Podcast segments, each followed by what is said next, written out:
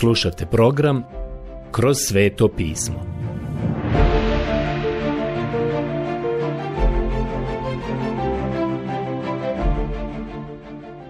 Knjiga Izlazak. Odlomak Izlazak, poglavlje 25 od 23. stiha do poglavlja 26, 14. stiha. Prijatelji, sada dolazimo do stola za prinesene hljebove a u šatoru se nalazi nekoliko komada namještaja. Ako znate gdje su smješteni, to će vam sigurno biti od pomoći. Postojala su tri dijela ili odjeljka šatora sastanka. Mi se krećemo kao što se i Biblija kreće, iznutra, tamo gdje je bio Bog. Sam šator sastanka je imao dimenzije 30 puta 10 puta 10 lakata. I to je bilo podijeljeno u dva odjeljka, svetinja nad svetinjama Deset puta 10 puta deset lakata u kojoj se nalazio kovčeg saveza i pomirilište ili prijestolje milosti. To smo vidjeli prošli put. Pomirilište sa kerubinima koji ga zasjenjuju bilo je najukrašeniji dio šatora. Tu uopšte nije bilo idola. Ova dva kerubina gledaju dole na vrh kovčega gdje je stavljena krv. Da li ste znali da je to ista stvar koju su Adam i Eva vidjeli kada su pogledali u rajski vrt nakon što ih je Bog izbacio. Osvrnuli su se i vidjeli kerubine kako čuvaju put ka drvetu života. Vidjeli su i krv životinj jer su nosili na sebi odjeću napravljenu od životinjske kože. Kerubini su gledali dole. To je put života držalo otvorenim. Bog im nije branio ulazak u rajski vrt. On je put do sebe držao otvorenim za njih. Kada je Mojsije ovo napravio, bila je to replika iste one stvari koju su vidjeli Adam i Eva. Ovo sada gleda u budućnost. Govori o tome da je Krist danas za nas napravio pomirilište. To jest, Božje prijestolje je postalo pomirilište. On je umro ovdje dole, prinio je svoju krv tamo gore, a Božje prijestolje je danas mjesto gdje sveti Bog može pružiti milost vama i meni. Sto za prinesene hljebove kada uđete u vanjsko dvorište, gdje je šator sastanka, odnosno svetinja, tamo se nalaze tri predmeta, tri komada namještaja. Oltar za tamjan, zlatni oltar, zatim zlatni svječnjak i sto za prinesene hljebove. I to je bilo mjesto štovanja. Govori o štovanju Boga. Veoma je važno. Zatim u vanjskom dvorištu imate dva komada namještaja. Umivaonik i mjedeni žrtvenik. I ovdje je riješeno pitanje grijeha. Ova dva komada namještaja govore o Kristu koji je riješio pitanje grijeha. U svetinji se štuje i obožava, a pitanje grijeha mora biti riješeno prije nego što možete štovati Boga. Ovdje imamo instrukcije za sto za prinesene hljebove. To je hljeb za prinošenje Bogu, jer je na stolu bilo hljebova koji su bili poslagani u dva reda po šest komada. Postoje različita objašnjenja kako su bili raspoređeni, ali moram priznati da čitajući ovo ne mogu reći tačno kako su bili poredani. Samo osjećam da su bili poredani vrlo jednostavno. Bila su dva reda na vrhu stola, šest hljebova u prvom i šest hljebova u drugom redu, a svaki je govorio o jednom Izraelovom plemenu. Drugim riječima, Bog se brinuo podjednako za sve hoćete li obratiti svoju pažnju na ono što ću sada da pročitam. Načini i stol od drveta bagrema, dva lakta dug, jedan lakat širok i jedan i pol lakat visok. Knjiga izlaska 25-23. Primijetit ćete da je sto za prinesene hljebove bio dugačak dva lakta i širok jedan lakat, dvostruko duži od njegove širine i bio je jedan i pol lakat visok bio je visine kao pomirilište ili kovčeg saveza. Pozlati ga čistim zlatom i načini na njemu zlatan vijenac uokolo. Knjiga izlaska 25-24. To je obrub ili neka vrsta bočne daske oko stola. Naravno da hljebovi ne padnu na pod. Čitamo sada stihove 25 i 26. I načini mu uokolo za dlan širok okvir i na tom okviru napravi uokolo zlatan vijenac. Sali zato četiri zlatna koluta i pričvrsti kolutove na četiri strane. I to na četiri njegove noge. Knjiga izlaska 25, 25 do 26. Ovo je bilo mjesto gdje su se motke trebale provući kroz te kolutove ili prstenove, a tokom putovanja kroz pustinju nosili su ga sveštenici na svojim ramenima. Sada idem dalje i čitam 29. stih. Stavi mu onda njegove zdjele, čaše, posude i vrčeve kojima će se prinositi tekuće žrtve. Načini ih od čistoga zlata. Na stol neprestano postavljaj predame kruhove obličja. Knjiga izlaska 25, 29 do 30. Naravno, hljeb je bio predslika Krista, pa je stoga i sto predslika Krista. To je slika njega, a ovaj sto za prinesene hljebove je ono što sugeriše i upućuje na mnogo toga. Mislim da govori o Božoj brizi da nas hrani. Govori o proviđanju. Govori o opskrbljenosti. Ja sada želim dati nekoliko prijedloga. Poslušajte i obratite pažnju. To je sto spasenja. Sjećate se. Krist je ispričao jednu usporedbu u kojoj je kralj priredio svadbenu večeru za svoga sina pozvani gosti su odbili doći, a to je isprovociralo kralja da se obračuna sa onima koji su odbili. I nakon što se razračunao sa njima, proširio je poziv na sve one koji su bili na glavnim i sporednim putevima. I oni su bili pozvani da dođu i jedu. Tako je i danas upućen poziv svijetu da dođe i sudjeluje u spasenju koje je u Kristu. Kao drugo, to je sto providnosti. Nemam vremena ovo detaljno objašnjavati, ali Bog, kao stvoritelj, danas osigurava svu hranu za ljude i životinje. Prijatelji, htjeli vi to ili ne, ali vi jedete za Božijim stolom u fizičkom carstvu. A ipak, jako malo ljudi ga danas prepoznaje i zahvaljuje mu za njegovu dobrotu. Bog je onaj koji nas opskrbljuje. Ovaj sto također govori o stolu gospodnje, o večeri gospodnjoj. Ovo upućuje na onu večeru koju je naš gospod, kao što se vjerovatno sjećate, uspostavio u gornjoj sobi. To je sto za vjernike. To je dugačak sto koji se proteže od gornje sobe pa sve do samog neba. I još konkretnije, mislim da je sto za prinesene hljebove pred slika Krista kao nosioca duhovnog života vjernika. Bio je dva lakta dugačak, jedan lakat širok i jedan i pol lakat visok. Bio je napravljen od bagremovog drveta i obložen zlatom. Nepropadljivo bagremovo drvo govori o Isusovoj ljudskosti. S obzirom na to da je to drvo bilo proizvod zemlje, ali nije bilo podložno njenom hemijskom djelovanju. Tako i naš gospod imao tijelo načinjeno od zemlje, začeto u utrobi djevice. Zlato govori o njegovom božanstvu. Zlato ne proizvodi zemlja, već je ono odvojeno od nje. Zbog toga zlato ima sopstvenu, inherentnu vrijednost. Dakle, Krist nije bio sa ove zemlje kada je u pitanju njegovo božanstvo. I on je bio sami Bog od samog Boga. Došao je iz slave. Tako je ova predslika od zlata i drveta, kao što smo već vidjeli, dodatno pojačala simboliku samog kovčega saveza. Na stolu je bilo postavljeno tih 12 veknih hljeba, po šest u dva niza. Taj hljeb se mijenjao svake subote, a one vekne koje su bile uklonjene pojela bi u svetinji porodica sveštenika sa vinom. Još želim reći da ovaj sto za prinesene hljebove ne predočava Krista na isti način na koji to čini mana. I tu moramo biti vrlo oprezni. Mislim da i jedno i drugo govore o Kristu, ali ne na identičan način iako je Krist hljeb u oba ova primjera i simbola. Mana govori o Kristu kao onome koji daje život. On sam je to tako protumačio. Sjećate se u Evanđelju po Ivanu u šestom poglavlju u 32. stihu, to smo već vidjeli. Tamo piše sljedeće. Isus im reče, zaista, zaista kažem vam, ne dade vam Mojsije kruh s neba, nego vam moj otac daje istiniti kruh s neba. Jer je kruh Boži onaj koji silazi s neba i daje život svijetu. Isus im odvrati, ja sam kruh života.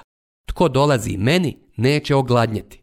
I tko vjeruje u mene, neće nikada ožednjeti. Evanđelje po Ivanu 6, 32 do 33 i 35 stih. Prineseni hljeb govori o Kristu kao onome koji održava život. Vječni život je dar, baš kao i mana koja je sišla sa neba. Ko dobija manu, dobija i vječni život. Međutim, vječni život zahtijeva posebnu hranu koja će ga održati u rastu i snazi, a prikazani hljeb predstavlja Krista kao hranu za one koji su blagovali manu života. To se vidi u jeziku koji je Bog lično koristio. Hljeb za prinošenje je bio napravljen od žita, Žito je bilo samljeveno i onda se od njega bez kvasca pravilo tijesto, od tijesta hljeb koji se pekao. Prvi put je ovo spomenuto u knjizi Levitski zakonik. Uzmi onda bijeloga brašna i ispeci od njega 12 kolača. Dvije desetine neka dođu na svaki kolač.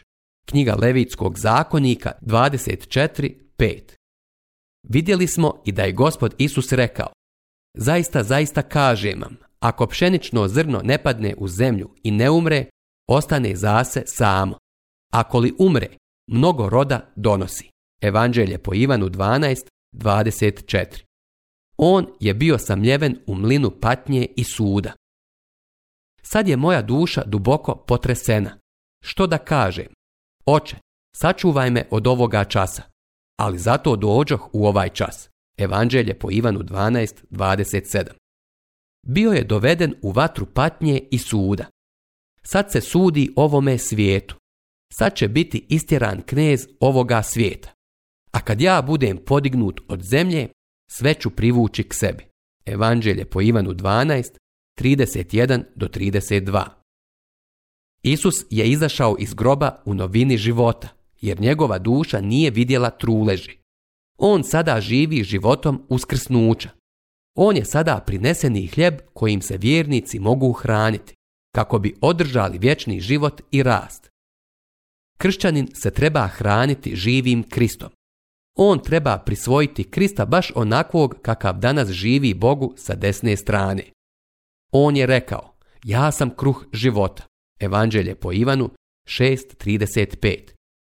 postoji jedna drevna poslovica koja sadrži misao da svaka stvar raste zahvaljujući onome čime se hrani.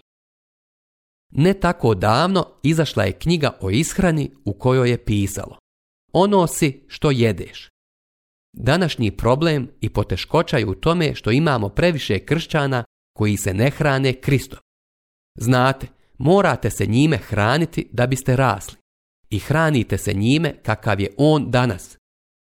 Apostol Pavle je rekao da iako smo ga poznavali u tijelu, više ga ne poznajemo u tijelu. On je danas živi Krist i mi trebamo rasti gledajući u njega. To je značenje ovoga. Zlatni svječnjak Sada smo došli do svječnjaka i instrukcija o tome nam je dana u 31. stihu načini i svječnjak od čistog zlata. Svječnjak, njegova noga i njegovo stablo mora se izraditi kovanim radom. Njegove čaše, jabuke i cvjetovi trebaju biti iz jednog komada s njim. Šest grana treba izlaziti s obje strane. Tri grane svječnjaka na jednoj strani i tri grane svječnjaka na drugoj. Na svakoj grani trebaju biti tri kao badem čaše s jabukom i cvijetom. Tako će biti na svih šest grana što izlaze iz svječnjaka. Mogli bismo čitati i dalje, ali mislim da to mogu i opisati, jer ovo postaje prilično dugo za čitati. Prijeći ću sada na stih 40. Pripazi da to izvedeš tačno po uzorku što ti je bio pokazan na gori. Knjiga izlaska 25.40 Pretpostavljam da je svječnjak bio najsavršenija slika Krista koju imamo od bilo čega u šatoru sastanka. Mislim da to predstavlja njega na najbolji način i sama činjenica da je svječnjak bio od čistog zlata govori o Isusovom božanstvu. Predstavlja ga kao onakvim kakav jeste, Bog. To Tovanje ima veze sa hodom u svjetlu. To je veoma važno da vidimo. Vidjeli smo sto za prinesene hljebove. Taj sto govori o tome da kada se klanjate Bogu, morate se hraniti Kristom. To je ono što to znači.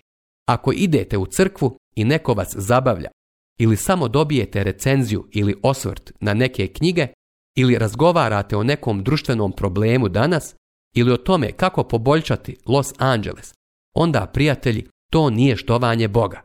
Vi onda samo imate sastanak. Boga ćete obožavati samo onda ako se hranite njime koji je sto za prinesene hljebove, ali morate hodati u svjetlu. I usput da kažem, on je svjetlo. A ako ste željeli prirodno svjetlo, onda ste ga morali potražiti izvan šatora sastanka. Ako ste htjeli hodati u svjetlu svječnjaka, onda ste morali ući unutra. On je svjetlo istinito koje prosvjetljuje svakog čovjeka koje dođe na svijet. Evanđelje po Ivanu 1.9. A vidimo da danas ima onih koji su više pod uticajem tame. Rečeno nam je da kroz filozofiju i prevaru možemo biti zavedeni. Bog je ipak svjetlost i u njemu nema nikakve tame. Svječnjak je zapravo bio napravljen od jednog komada zlata. Bio je to ručni rad i bogato ukrašen. Imao je središnju osovinu, ali iz te središnje osovine bile su tri grane sa strane, čineći ukupno sedam grana. Svaka je grana bila poput grane badema, to jest imala je na sebi cvijet i plod, a na vrhu je bio otvoren cvijet i u njemu su bile smještene svjetiljke. Svjetiljke su bile napunjene uljem i stavljene unutra. Zbog toga je na vrhu svake osovine bio otvoreni cvijet badema, a u svakom od njih su bile postavljene svjetiljke napunjene maslinovim uljem. Ti su cvjetovi badema izgledali kao drvo, ali bili su od zlata i to nas podsjeća na Aronov štap koji je procvjetao. Kada je Aronovo svešteničko prvenstvo bilo u pitanju, to je potvrdilo pupanje njegovog štapa od bademovog drveta. Taj štap od bademovog drveta, ta mrtva grana, bila je stvorena da živi i donosi plod. Krist je postavljen kao sin božji svojim uskrsnućem od mrtvih. To ga nije učinilo sinom Božim, jer on je to već bio, još od vječnih Božijih namjera. Uskrsnuće je to samo potvrdilo. Aron je bio od Boga postavljeni veliki sveštenik, a to je potvrđeno uskrsnućem mrtvog bademovog štapa. Kristovo uskrsnuće je također uspostavilo njegovo sveštenstvo. Krist je naš veliki, veliki sveštenik. On je postao čovjek. On je sudjelovao u našoj naravi, iskušavan u svemu kao i mi, ali nije sagriješio. Ali primarni temelj njegovog sveštenstva je njegovo božanstvo. Vidite, sveštenik je predstavljao čovjeka pred Bogom, a Krist je Bog koji je postao čovjek i on je sada Bogo čovjek koji predstavlja čovjeka pred Bogom. Tamo gore postoji neko ko poznaje i razumije. I on mi može pomoći. Uskrsnuće koje je Isusa proglasilo sinom Božim, također je proglasilo i njegovo sveštenstvo. Ono što je meni ovdje zanimljivo, nisu navedene mjere svijećnjaka. Pitao sam se da li ste to primijetili. Zašto? Prijatelji, zato što ne možete staviti mjerilo na božanstvo. Ne možete ga mjeriti ni kao sina Božijega i ne možete ga uopšte razumjeti. Ali također tu je i njegova ljudskost. I uz činjenicu da je Isus plakao, on je također i rekao, Lazare, izađi van. I Lazar je izašao. Svječnjak je svijetlio u svetinji. To je mjesto bogosluženja i štovanja. Veoma zanimljiva stvar u vezi sa tim jeste da je svječnjak držao svjetlo, svjetiljke ali one su za uzvrat otkrivale ljepotu svječnjaka. Svjetla koja su bila tamo, odnosno ulje u svjetiljkama, ono predstavlja duha svetoga. Gospod Isus kaže, ja ću ga poslati u svijet. I poslao ga je u svijet. On kaže, on će uzeti moje stvari i pokazati vam ih. Pogledajte evanđelje po Ivanu 14.26. Kada se vi i ja okupimo na bogosluženju, ili ovdje oko radio emisije kao što je ova. Neki od vas se voze u automobilu, neki od vas su kod kuće, neki od vas su na mnogim drugim mjestima i teško mi je i zamisliti gdje ste svi vi trenutno. Ali sve ukupno se sastajemo oko Kristove osobe, a On je prediman i On je Bog. I Duh Sveti će sada uzeti Kristove stvari i pokazati nam ih, baš kao što su te svjetiljke otkrile ljepotu svijećnjaka. Duh otkriva Isusa kao Sina Božjega, kao onoga koji je došao u naše ime i koji upravo sada živi tamo gore za nas. 26. poglavlje Obratite pažnju, mi sada dolazimo do 26. poglavlja i ovdje imamo zavjese od platna. Želim reći samo nekoliko riječi o njima. Sam šator sastanka imao je preko sebe tri pokrova ili zavjese. Imao je laneni pokrov, zapravo je imao četiri pokrova. Imao je najprije onaj laneni pokrivač koji je stavljen po čitavom šatoru sastanka. To je dio koji je bio 30 lakata dugačak, 10 lakata širok i 10 lakata visok. Ova lanena tkanina je bila tako sašivena i nalazila se preko cijelog tog dijela, Ispuštala se sa strane i nije sasvim dodirivala tlo. Nije bilo dopušteno da dodiruje tlo. Sljedeći pokrivač je bio napravljen od kozije dlake. Ovdje nam je rečeno o tome sljedeće. Dozvolite mi da pročitam ovo. Načini sveti šator od deset zavijesa. Neka one budu izrađene od uzvedenoga lana, od modrog i crvenog skrleta i od tamno crvenog prediva slikovima kerubina kako ih načini umjetnik. Knjiga izlaska 26.1 Vidite da je to bila lijepa stvar. A onda je sljedeća bila zavjesa od kozije dlake. Čitamo sedmi stih. Onda načini zavjese od kostrijeti za pokrov nad svetim šatorom. Upotrijebi za to 11 zavjesa. Knjiga izlaska 26.7 Vidite, trebalo ih je sve spojiti i sašiti.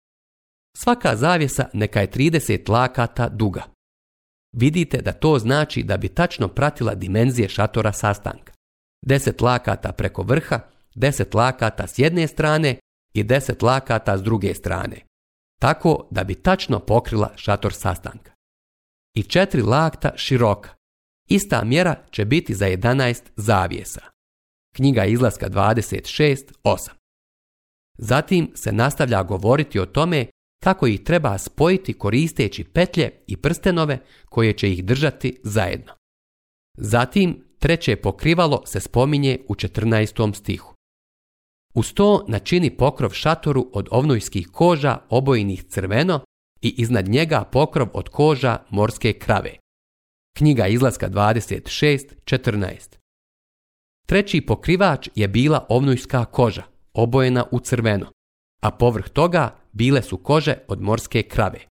Zapravo, te kože morske krave su bile izrađene od koža tuljana. Ove zavjese i prekrivači su bili prilično zanimljivi i spremit ću se da ih bolje obradimo sljedeći put. Šator sastanka je bio napravljen od dasaka.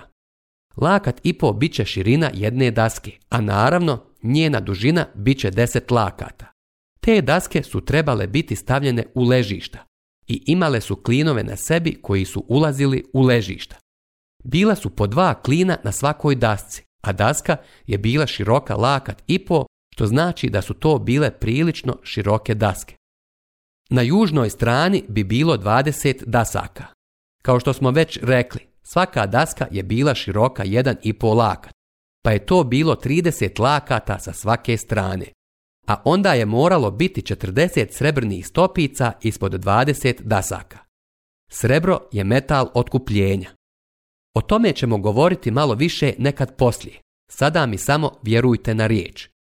To je metal otkupljenja, a cijeli šator sastanka je morao počivati na otkupljenju.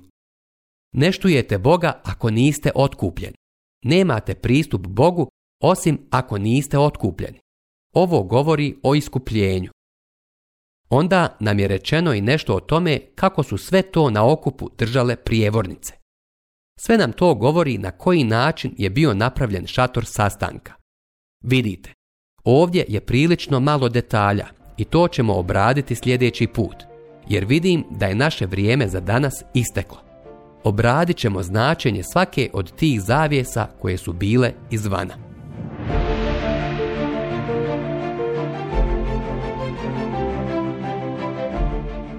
Slušali ste emisiju Kroz sveto pismo. Možete nas slušati i na našem YouTube kanalu putem mobilne aplikacije te na svim glavnim podcast platformama kao što su Google, Apple i Spotify. Ako vam se naši programi dopadaju, preporučite ih i podijelite s drugima. Budite slobodni da ostavite svoj komentar ili nam pišite na našu e-mail adresu kroz svetopismo.bih at gmail.com Zapratite našu stranicu kroz sveto pismo BiH na Facebooku i na Instagramu. Emisije iz ove serije možete pronaći na našoj stranici ttb.tw.r.org.